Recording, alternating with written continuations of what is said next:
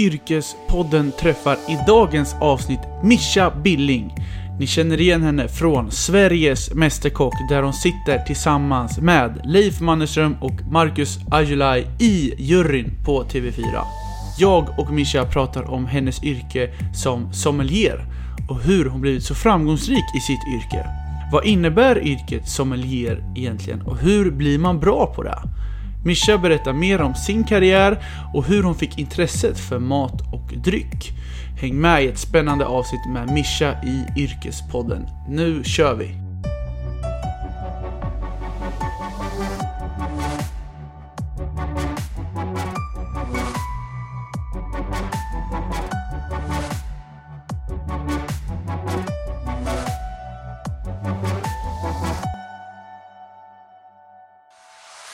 Välkommen till Yrkespodden Mischa. Ja, tack så jättemycket Jens. Hur är läget? Men det är fint tack. Vad bra. Du, semledagen i tisdags var det ju. Hur många semlor blev det? Två. Två stycken? Vad heter det? Är det fettisdagen eller fett-tisdagen? Vad säger man? Fettisdagen säger nog jag. Fettis, uh, jag vet faktiskt inte. Jag inte uh, fettisdagen säger jag nog. Men jag försöker hålla lite. Jag hade bara ätit en halv innan. Alltså, de kommer ju tidigt. Uh, men jag försöker att uh, liksom äta på dagen. Ja, nej, men det, det, är krångligt att veta vilken, vad man ska säga, fettisdagen eller fetisdagen. Det kanske inte finns något speciellt. Men du, eh, jättekul att du är här i Yrkespodden, men du kan väl berätta lite. Vem är Mischa? Ja, Mischa brukar vi Mischa, säga själv, ja. mina föräldrar och så. Eh, och det är ju då, ja, mitt namn är, alltså jag är svensk eh, med svenska föräldrar, men eh, min mamma passade en flicka som heter Michelle, när hon, då, innan jag föddes.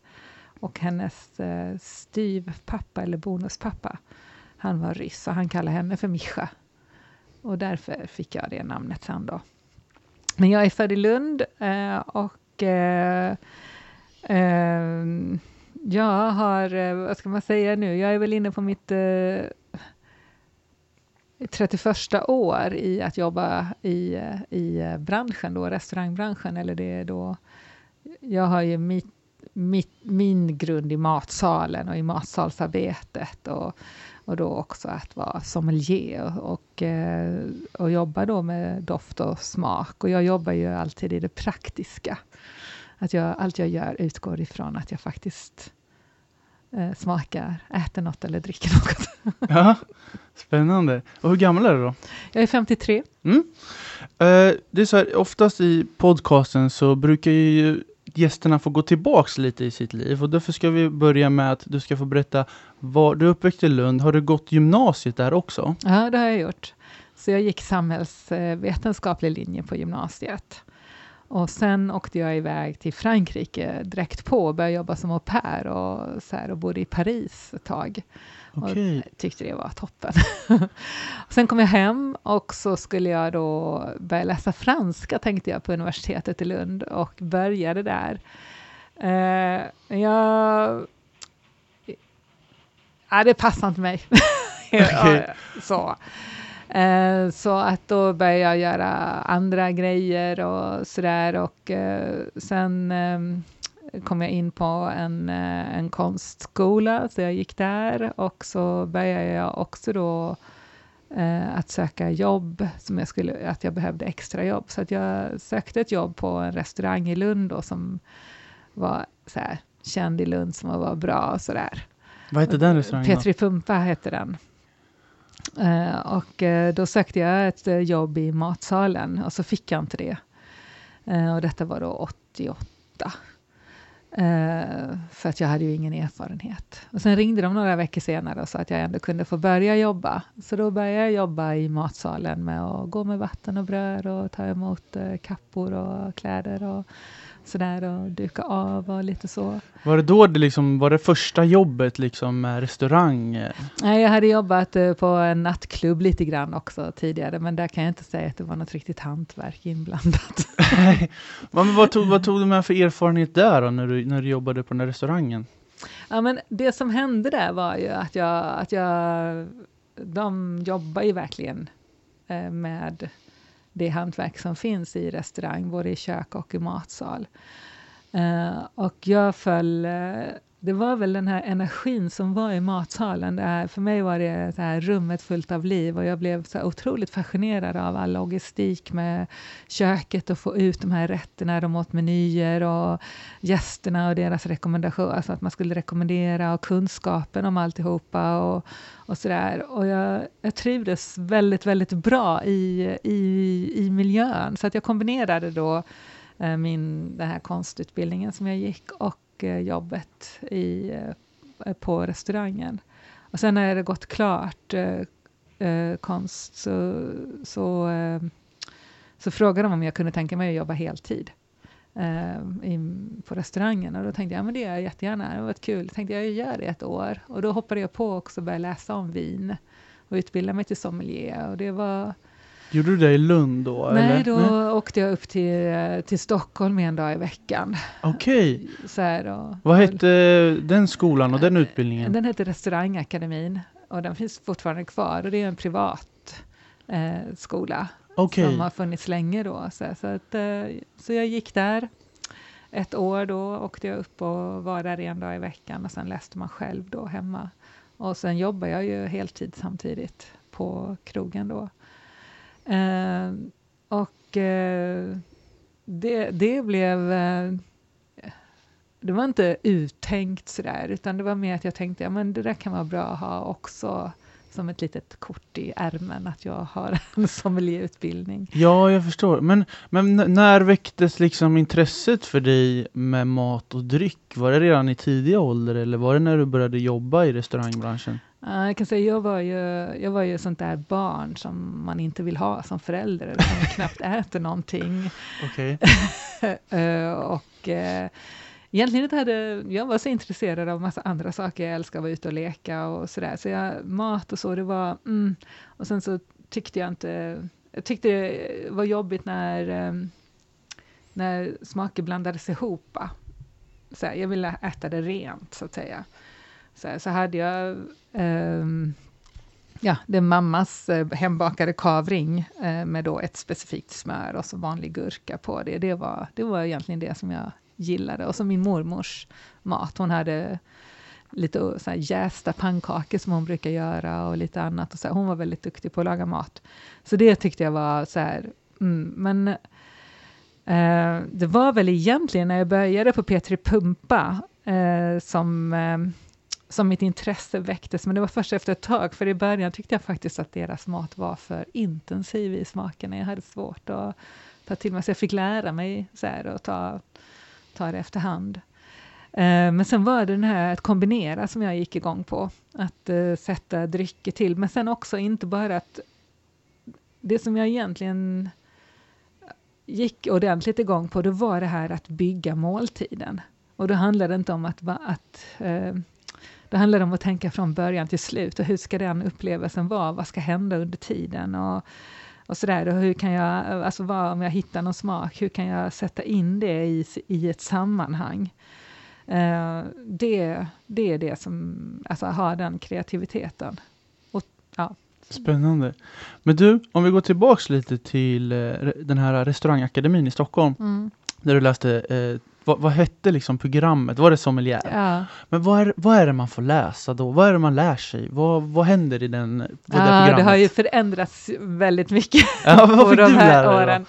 Uh, man kan säga det sommelierprogrammet som är på, på, uh, på Restauranghögskolan på Grythyttan idag, där jag då undervisar lite grann uh, och har varit med och bygga upp det här programmet. Där, där, dels så får man ju då först Alltså lära sig, och, för att, att vara sommelier, att, vara, att prova då, så här, och med doft och smak, det är ju att använda sig själv som sitt eget instrument. Du använder ju näsan och munnen hela tiden och sen så ska du också ta in den här känslomässiga som du också får i och med att doften går ju rakt in i vårt limbiska system och påverkar våra känslor utan något, att hjärnan går in och lägger något filter på det. Eh, så det är en sån här direkt känsloupplevelse som man får, eller känslostämning brukar jag säga. Så att eh, vi, först får man ju prova mycket saker och förstå så här saker, att hur, hur är vi uppbyggda i munnen och i näsan och vad är det som händer och testa olika grejer och, och sådär. Och sen också då att man får lära sig att eh, kommunicera sin upplevelse. För det, det är ju det där med doft och smak att det, det syns inte. Nej. det hörs inte, det Precis. går inte att ta på. Eh, så att hur vi kommunicerar det, och vi har inga så här doftspecifika ord eller så, utan vi jobbar ju med liknelser eller att man beskriver på andra sätt. Så att det, det lägger vi stor vikt vid. Så att det, eh, det är det man får lära sig. Så här. Sen får man lära sig då att man ska läsa om olika drycker och hur de är tillverkade, var de görs i världen och vilka råmaterial man använder, så här, olika typer av druvor och olika tekniker, till exempel då just i vin. Så här, hur man kan göra, jobba med, både ute i vingårdarna men också nere i källaren och vad lagring betyder när någonting börjar bli moget och, och sen framförallt, när ska vi använda det här? Ja, men du, du var ju lite inne på det här nu att du är ju lektor i Grythyttan här i, i Örebro mm. och du har tagit fram måltids... Vad heter programmet? Liksom? Äh, ämnet är måltidskunskap. Måltidskunskap. Mm. Ja. Uh, och där har jag ju då ett lektorat i måltidskunskap med fokus just på sommelieri då, som är det här Eh, så där har jag ju varit med och tagit fram det här treåriga kandidatprogrammet i sommelieri eh, som vi har. Om en student söker nu det här programmet, vad kan den förvänta sig och hur, hur länge är det här programmet? Ja, men det är tre år. Eh, och det som, om, det som är unikt, det är ju att du får den här praktiska erfarenheten, att vi jobbar både med det, men också med att vara akademiker. Att få det akademiska kunnandet. Eh, hur man reflekterar, hur man granskar saker, hur man eh, plockar fram saker. Hur, och ehm, måltidskunskap är ju ett tvärvetenskapligt ämne, eller mångvetenskapligt ämne, så att det är andra saker som kommer in också, socialt beteende, till exempel när man möter gäster, och eh, ledarskap, ekonomi, så att du, du, får en, en bred grund att stå på, eh, som du sen då kan utveckla vidare i din ja, i ditt liv framöver så att säga. Spännande. Men du, uh, om vi går in lite på dig här då. Uh, jag läste att uh, du, alltså jag läste, jag researchade dig lite. okay, jag fick upp lite artiklar här och ja. då, då, då, står det här att du tycker om att äta vilt som hjort, ren och älg. Det mm, stämmer? Mm, ja. Men då jag undrar lite, vad är det man ska dricka egentligen till den här typen av maten? Är det något speciellt vin? Ja, alltså jag, jag, alltså jag kan säga så här, eh, folk tror då oftast att, att man svarar en viss region eller en viss producent eller sådär. Och jag, jag kan säga att jag, det jag går igång på i vinvärlden, eh, så här, det är viner där man har en ungdom och sen så börjar den här mognaden komma. Och sen så är det så att de möts, att de liksom går ihop. Den smakbilden och doftbilden börjar gå ihop och förenas. Eh, för det på något sätt är det då som att motsatser ändå möts och det går jag igång på.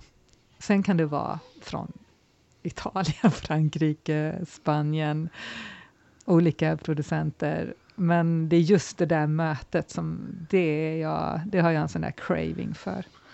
Och du provar cirka 6000 olika viner per år, stämmer det? Nej, inte nu längre faktiskt. Inte nu längre. Okay.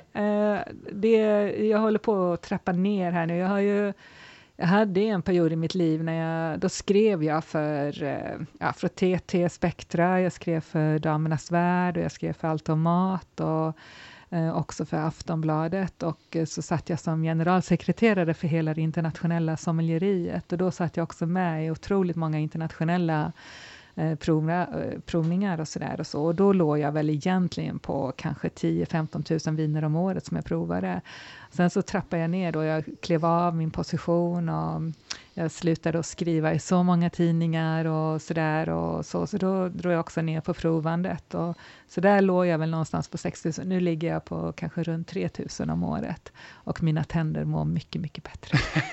ja, tänderna får väl lite stryk, i alla fall om det är mest rödvin va, som tar stryk? Eller Nej, det är syran. Okay. Så champagne, alltså du, ja, eller söta viner har också en otroligt hög eh, syra. Så, att, så när du går till tandläkaren så säger han Ja, Mischa, nu var vi här igen. Eller? Ja, precis. Nej, men jag, nej, men jag hade en jätteglad, min tandläkare var otroligt glad när jag provade så mycket vin, för då var jag där rätt ofta och fick sån här bananflorlack eh, som barn får.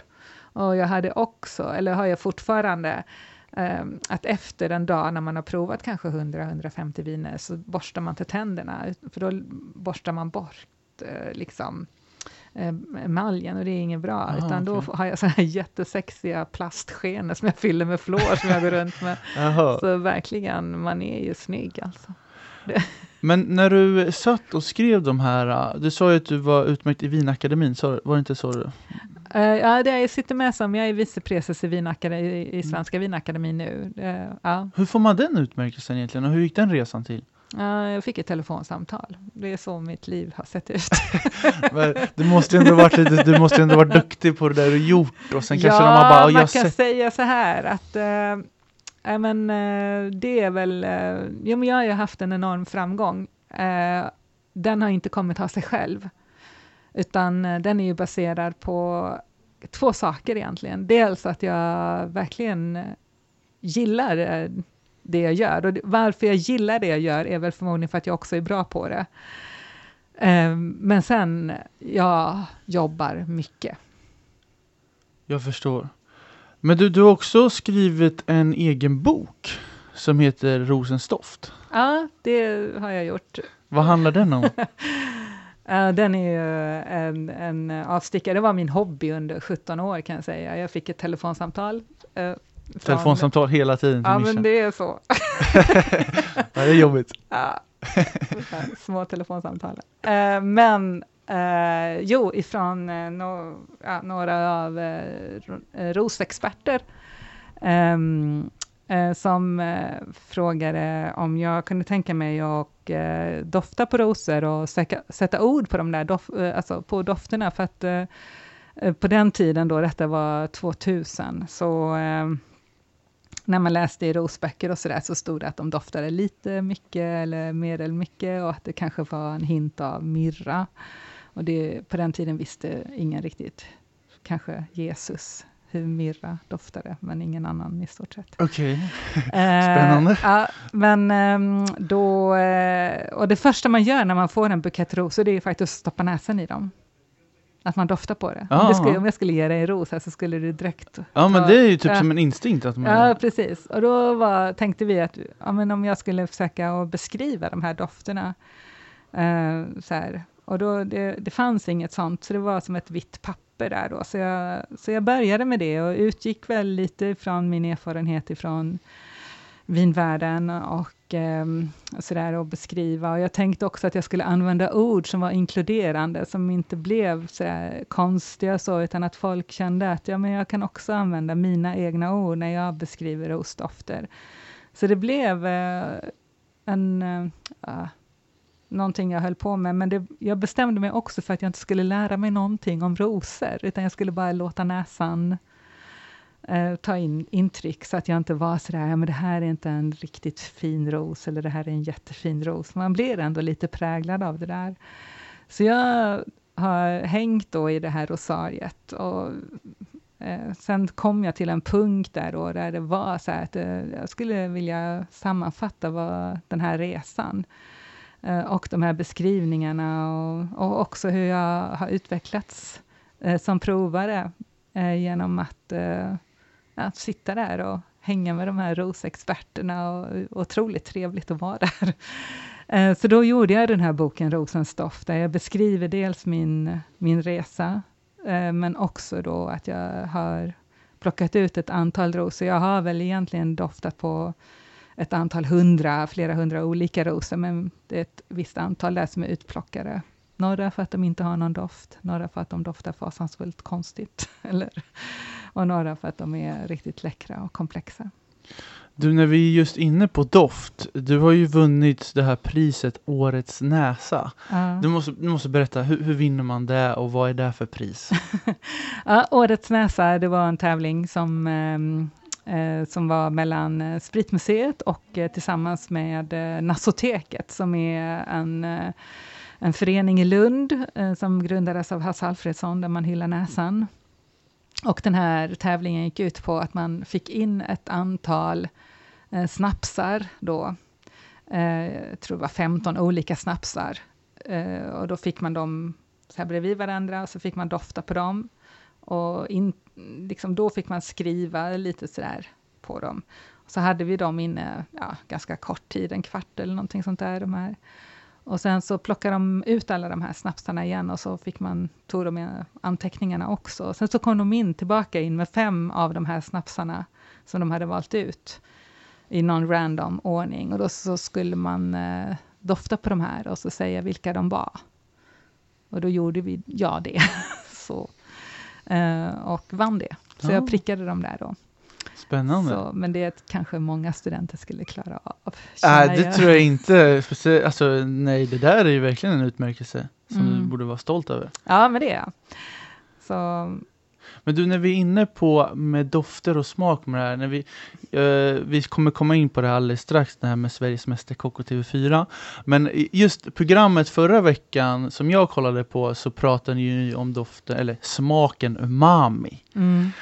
Vad är egentligen umami? Kan inte du beskriva det för mig? Ja, men det är ju den här senaste grundsmaken som har slagit världen med häpnad. Ja, precis.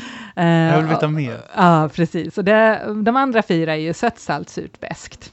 Och sen så kom umami, och det är ju den som man brukar säga lägger sig som en grund, som är den välsmakande. Eh, och som om man skulle bara smaka på den, så skulle man kunna säga att den smakar lite grann som en, eh, en eh, kalvbuljong, som inte är helt eh, koncentrerad och har ganska lite salt i sig, så att den saknar lite sälta. Men det den gör, umami, det är ju att den lägger sig oftast, alltså den blir som en, eh, en grund eh, håller, alltså ger ett djup till de andra smakerna och lyfter dem eh, på ett väldigt fint sätt. Så att det finns ju, svamp innehåller mycket umami och skaldjur och sådär. Och då tänker man att det finns ju just den där rondören av smak. Alltså känslan att det finns flera olika dimensioner i den. Det är det som umami skapar. Häftigt. Vem är det egentligen som har kommit på det här? Eller alltså, var kommer det ifrån? Vet du det? Ja, det var Japan, säger man, att det var där som man har upptäckte liksom och satt namn på det och sådär. Så att, eh, okay. Men nu är det ju i hela världen, så att det, eh, jag kan ju känna att den inte är så ny längre. Nej, nej, det är sant. Men det är, det är också, man är, man är lite nyfiken på att mm. få reda på vad, jag hoppas lyssnarna också är lite nyfikna mm. att få reda på. Ja. Men du, eh, Sveriges Mästerkock, du sitter ju i juryn. Ja, jag gör ju det. Vad kul med eh, Marcus Ajulaj och Leif Mannerström, om ja. jag uttalar det där rätt. Aujalay. Ja, Ojeli, okej. Mm. Han har svårt efternamn. Ja. Du, eh, berätta om den resan. Hur, fick du ett telefonsamtal igen där eller? Ett mejl. Ett mejl. berätta, hur, vad, vad hände liksom i ditt liv när TV4 ringde? Ja, nej, men det, nej, men jag fick ett mejl där det stod att det gällde en tv-produktion. Uh, och uh, då var jag faktiskt på väg hem ifrån Grythyttan uh, till Stockholm. Jag bor ju i Stockholm och har övernattningsläge i, lägenhet i Grythyttan. Då. Men um, då tänkte jag ringa och bara ah, när, det, när jag fick det där, då, på den tiden så startades många sådana här eh, portaler på nätet dryckesportaler och då brukar jag få lite förfrågningar då att de ville att jag skulle göra någon liten film och prata, så skulle det ligga på den där portalen. Jag brukar tacka nej till det där, för ja.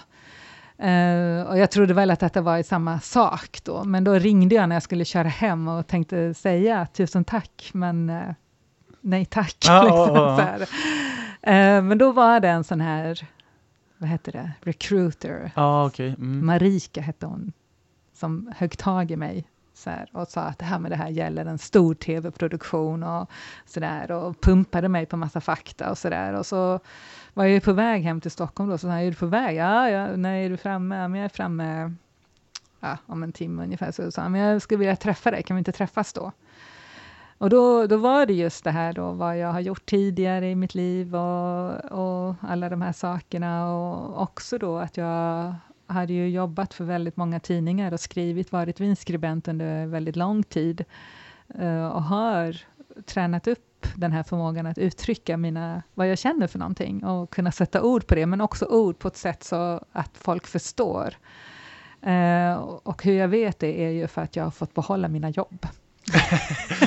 ja, det, då vet man det. Det är bra. ja, men då, för då, där är ju alltid en chefredaktör som har någon som är strängt ekonomisk och funkar det inte så får man inte fortsätta. Så att eh, så vet man någonstans att det fungerar, det man gör. Och sen så övertalade de dig och du sa ja, eller hur? Ja, precis så var det. Så, eller jag fick faktiskt testa, jag blev testad, de testade ganska många olika. Eh, så att jag fick provfilma och, och sådär och så. Och sen ringde de då och, sa, och frågade om jag kunde tänka mig att kliva på. Men visste du då att du skulle vara i juryn med de två andra eller var det helt så här? Ja, det visste jag då. Okay. Det hade ju blivit klarare under tiden, under resans gång då. Mm. Uh, att uh, dels så träffade hon mig och sen så ville hon träffa igen och sen så fick jag provfilma och sen skulle jag träffa producenten och sen så gjorde jag och Marcus en sån där med hela, eller en del av, av teamet att vi gjorde en sån här rollspels, uh, där vi låtsades och, och testade och pratade och så. Och sen gick det ett tag då, och sen ringde de och frågade om jag kunde tänka mig att, att ta och, och vara med i jury då tillsammans med Marcus och med Leif. Och hur länge har du suttit i juryn nu i Sveriges Mästerskap? Nu har jag gjort min femte säsong. Spännande, det går fort. Det går jättefort. Alltså, hur, programmet, jag följer ju programmet jättemycket och hur, hur, du som ändå sitter i juryn nu och vet allting bland produktionen, hur går det för programmet egentligen? Det går jättebra. Vi ja. har ju ökat i antal eh, tittare, eh, både då som tittar när programmet går, så att säga, men också då på, på play-funktionen. Så att eh, vi, har ju, vi ligger på, man kan säga mellan en, en miljon och upp till 1,2 miljoner per program och sen så ökar det då lite när det går mot final. Ja, oj. Ja men det, det är ett jättehärligt program. Jag följer ju det, jag har följt jättemånga säsonger. Ja, tack! Eh, ja, verkligen. Men jag är inte riktigt uppe i nivå och kan laga jättebra mat. Men eh, det, det är ju kul med det här programmet är att det är ju amatörkockar som ja. blir extremt duktiga med er hjälp. Ja, men de går in i en bubbla. Verkligen. Men du, kan inte du berätta lite hur eh, det ser ut på en sån här dag när ni sitter med inspelningar? För jag antar att det här är redan klart nu, vem som har vunnit. Det är, ja, det är inte liksom live. Nej, men det blir... Um, man kan säga så här att um, det tar ungefär två dagar att spela in ett program och det som är, beror på det, det är att det tar tid att bygga om skafferiet inför varje tävling. Ja, just. Ja, ja, jag kan tänka mig nu när jag tänker på det. Ja, så det är ju ett stort jobb och ett fantastiskt team som gör det, alltså var de jobbar. Mm.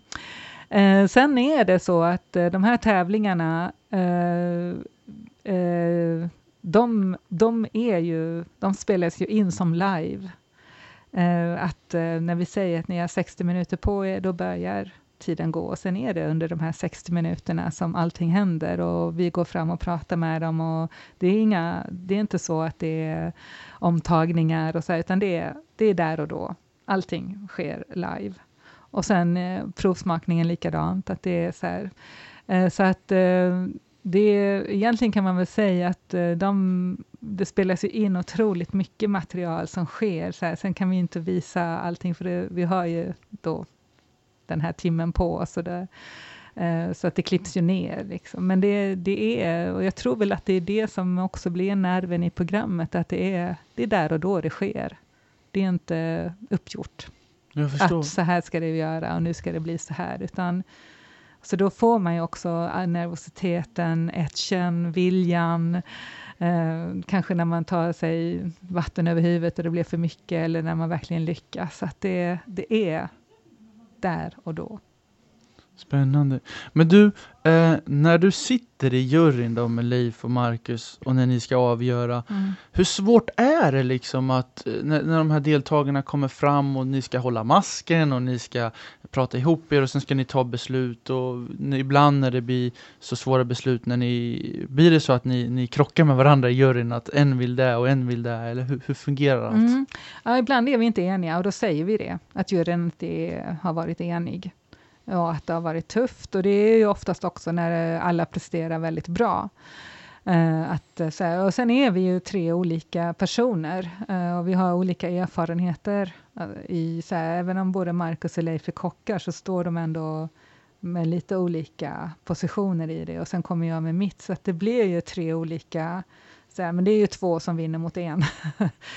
Men vi, vi säger ju det, när vi inte har varit eniga, så säger vi det i, program, i programmet också. Men eh, oftast så landar vi ju på samma eh, punkt. Ja, men eh, i programmet så pratade du om för någon vecka sedan att 80 procent eh, för att känna smaken sitter i näsan när ja. du hade det här. Berätta lite, hur, hur har du lärt dig allt det här och varför, varför är det så? ja, men där har vi ju den här fantastiska kursen sensorik. på. Vad är det för någonting? ja, men sensorik är ju där, där man får veta om hur näsa och mun är uppbyggt och så här. Och sen så lär man sig också olika metoder hur man kan mäta en upplevelse. Eh, men man förstår det här med perception och sådana här saker. Och så. Men det är ju så att vi har ju, i munnen så har vi ju våra fem grundsmaker som ligger där, och sött, salt, surt, beskt och umami. Och sen de andra aromerna som vi känner, som kanske var då kanel och kardemumma och alla de här sakerna, eh, det sitter i näsan. Så att det är en kombination utav eh, grundsmaker och aromer som, som ger, vår, ger, ger oss vår upplevelse. Då. Så näsan är ju otroligt viktig för oss. Och det är ju eh, då personer som har, lider av anosmi, alltså inte kan känna doft. Eh, som då, det påverkar ju livskvaliteten eh, väldigt mycket faktiskt. Jag förstår.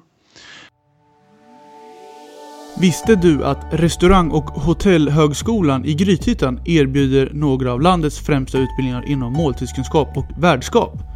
Här studerar du som vill göra karriär inom besöksnäringen och hotell och restaurangbranschen. Välj mellan måltidskreatör, hospitality management, måltidsekologprogrammet. Läs mer om programmen på oru.se. Tack Grythyttan!